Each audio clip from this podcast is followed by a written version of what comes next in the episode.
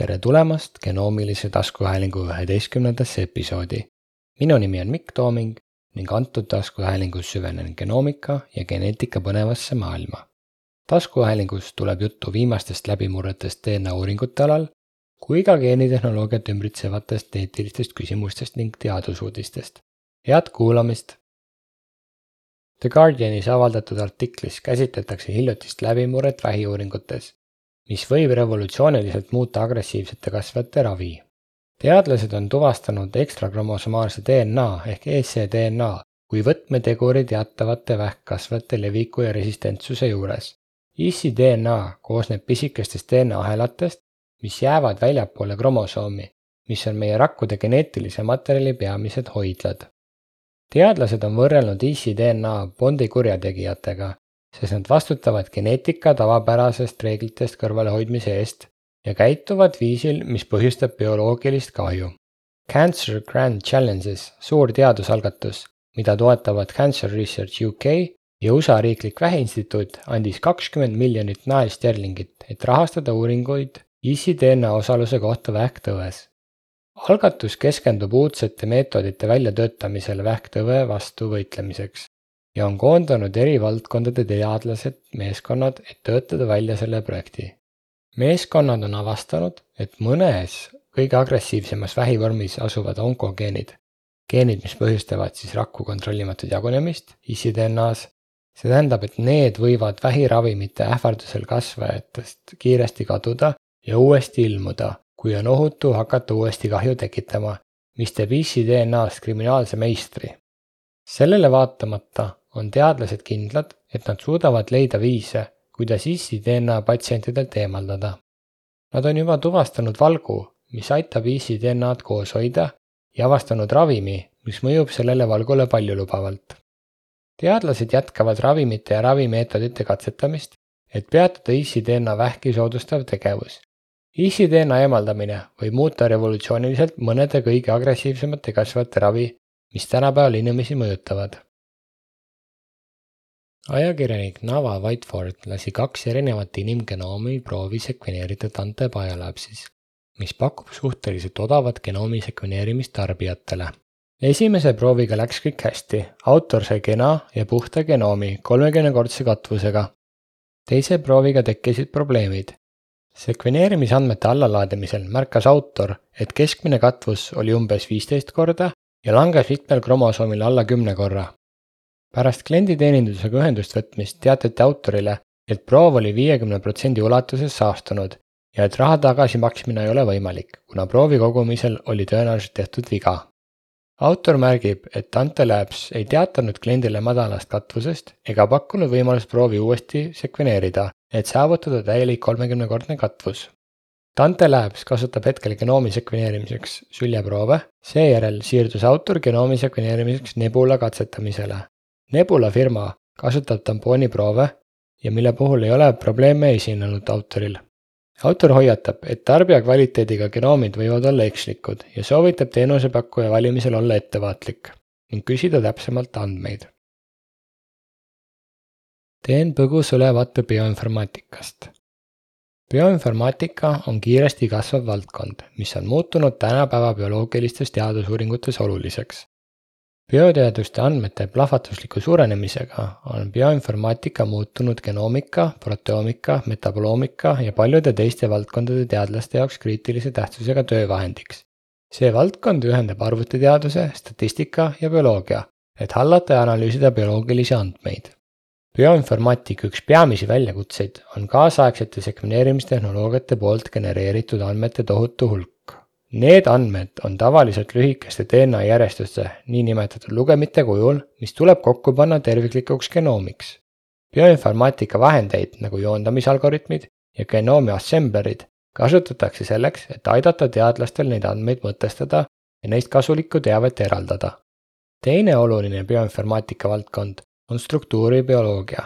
see valdkond tegeleb bioloogiliste makromolekulide, näiteks valkude ja nukliinhapete kolmemõõtmelise struktuuriga Nende molekulide struktuuri kindlaksmääramine on oluline nende funktsiooni mõistmiseks ja uute ravimite väljatöötamiseks, mis on suunatud konkreetsetele molekulidele.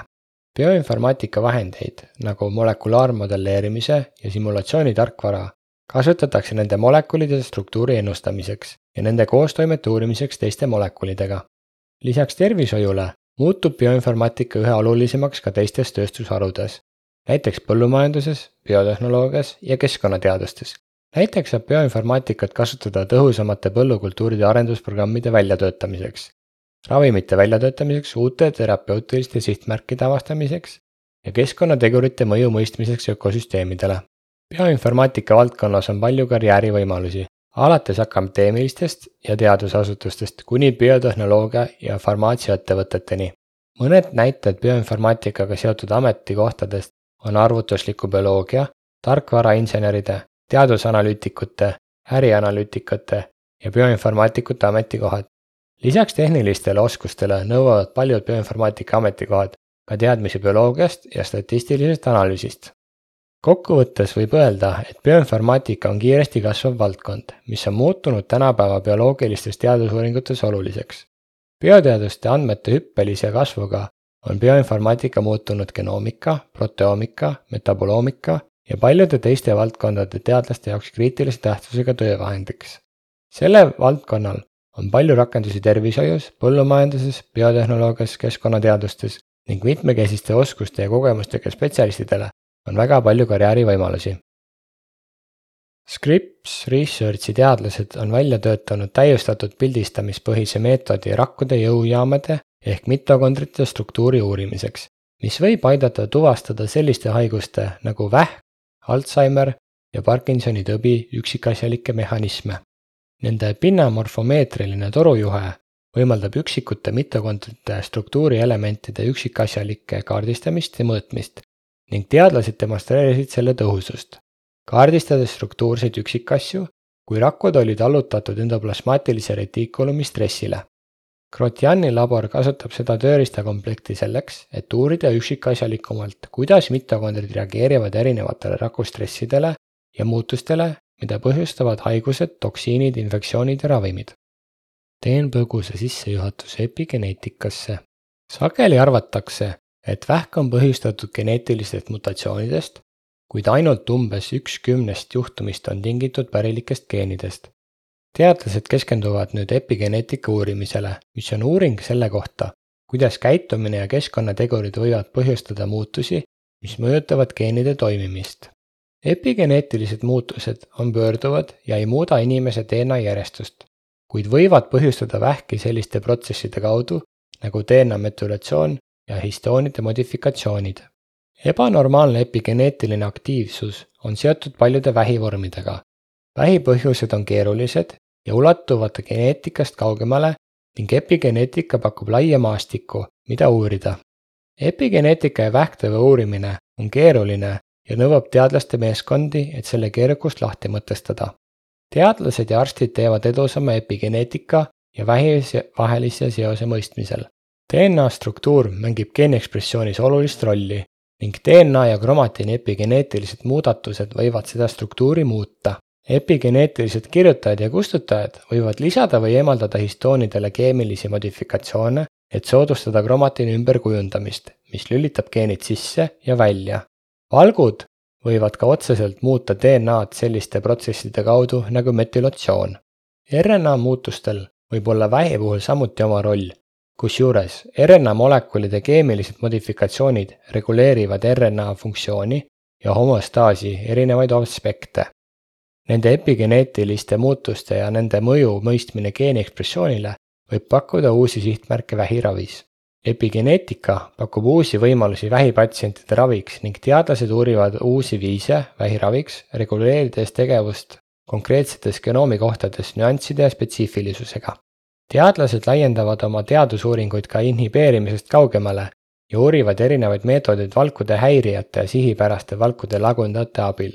Oluline on rohkem teada saada vähimolekulaarsete muutuste epigeneetilistest põhjustest ja parandada arusaamist epigeneetiliste regulaatorite geneetiliste mutatsioonide suurest levimusest vähktõve puhul.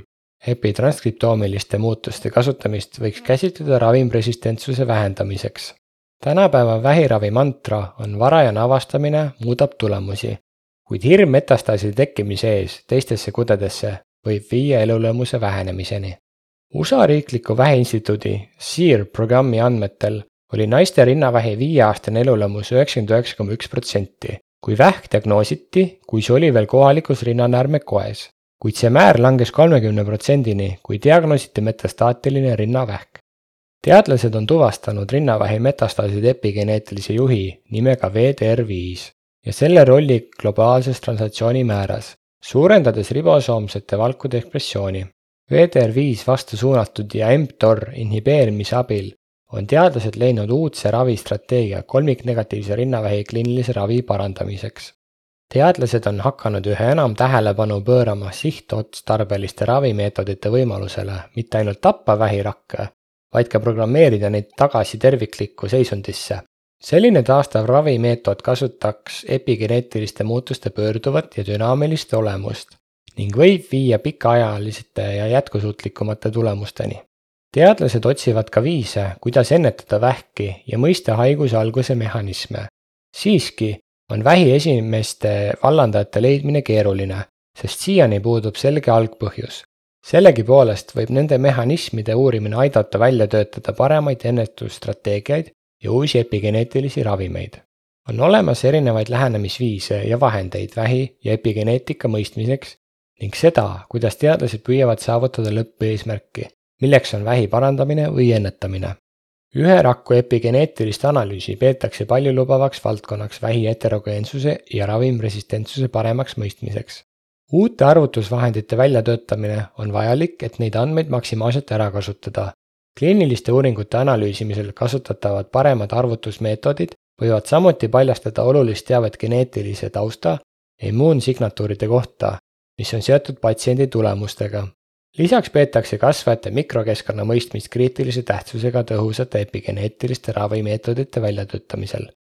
kokkuvõttes, loodavad teadlased epigeneetika parema mõistmise kaudu rohkem teada saada vähi algusest, selle kasvamise põhjustest ning sellest, kuidas seda ravida või isegi ennetada ja peatada. antud artikkel avaldati Inside Precision Medicine'i ajakirjas.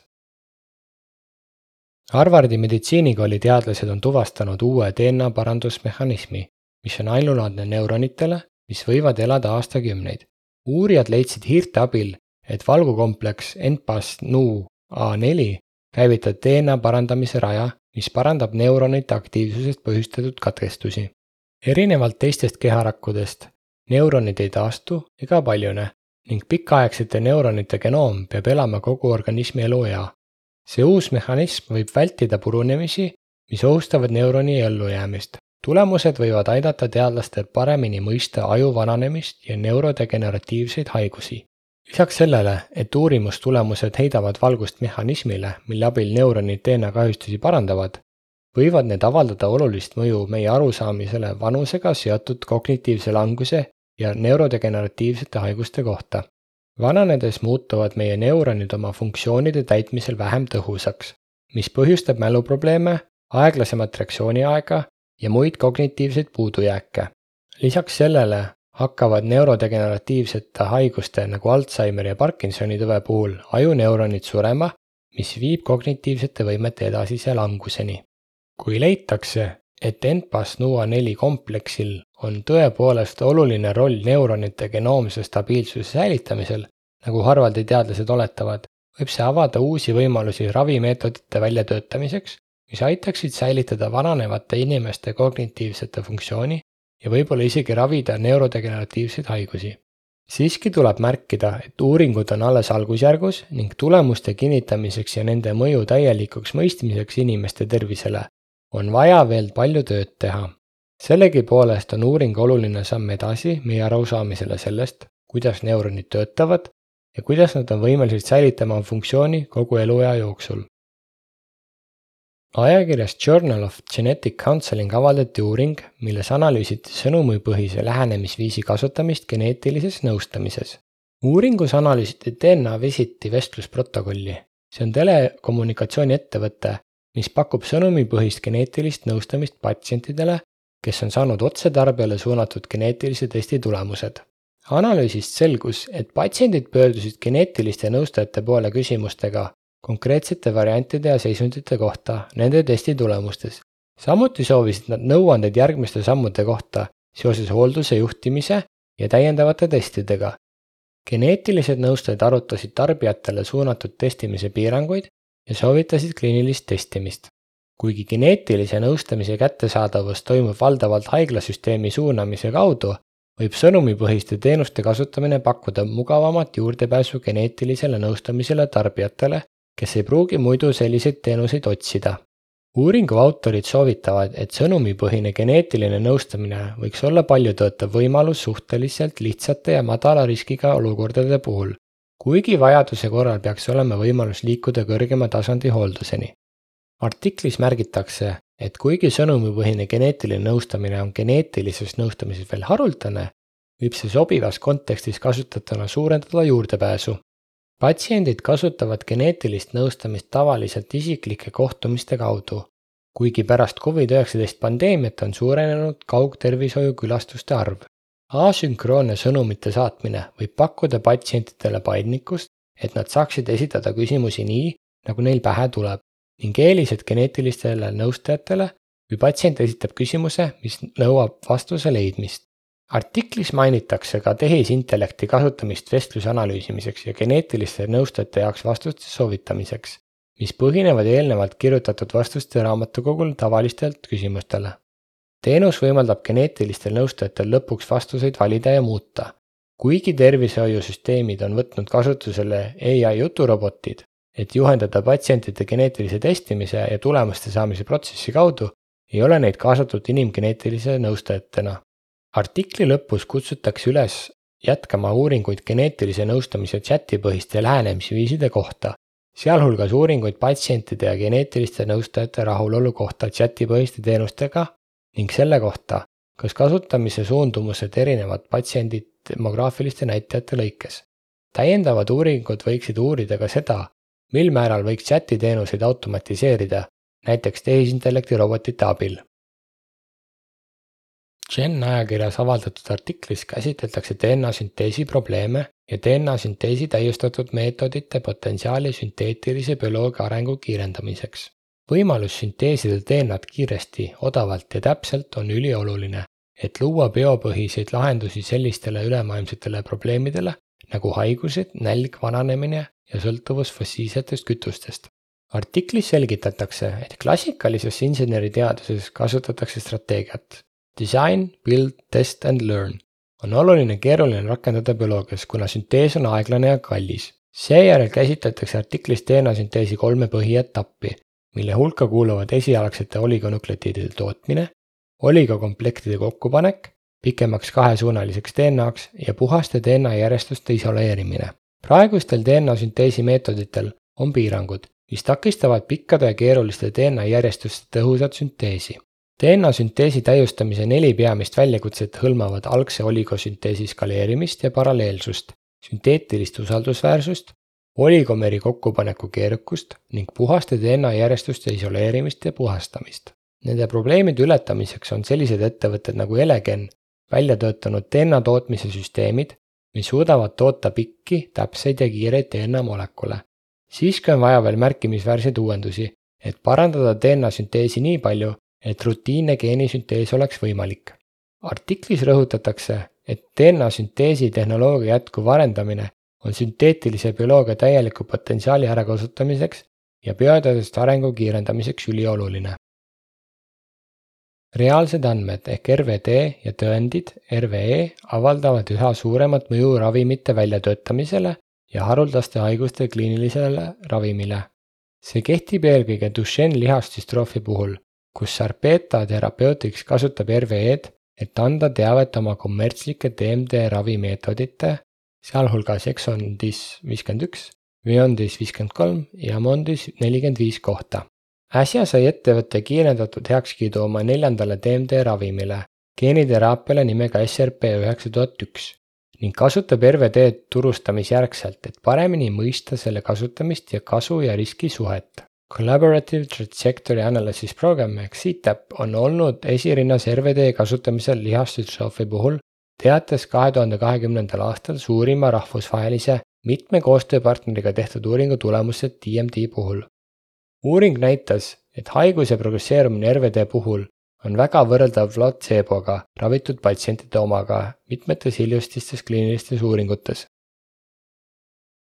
Michigani ülikooli teadlased on kasutanud tehisintellekti ehk ai-d ja inimteadmiste kombinatsiooni, et töötada välja uus meetod keeruliste molekulide kiireks sünteesimiseks, mis võib viia ravimite kiirema väljatöötamiseni.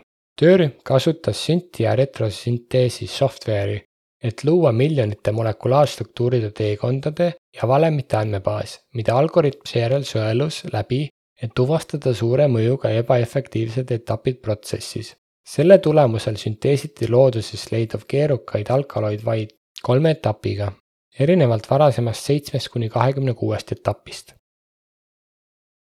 Twist ja Backbio tooteid kasutades avaldati artikkel. artiklis käsitletakse praeguste tehnoloogiate piiranguid geenide lahtiseletamisel ja ravimvastustega seotud variantide iseloomustamisel ning seda, kuidas pika lugemistega sekveneerimistehnoloogiate kasutamine võib neid probleeme lahendada autorid töötasid välja pika lugemisega sekveneerimispaneelil põhineva lähenemisviisi farmakogenoomika jaoks, kasutades Backbio hi-fi sekveneerimist, mille tulemuseks oli kõrge täpsus ja sihtfaasi määramine SNV-de ja kliinilise tähtalleelide puhul.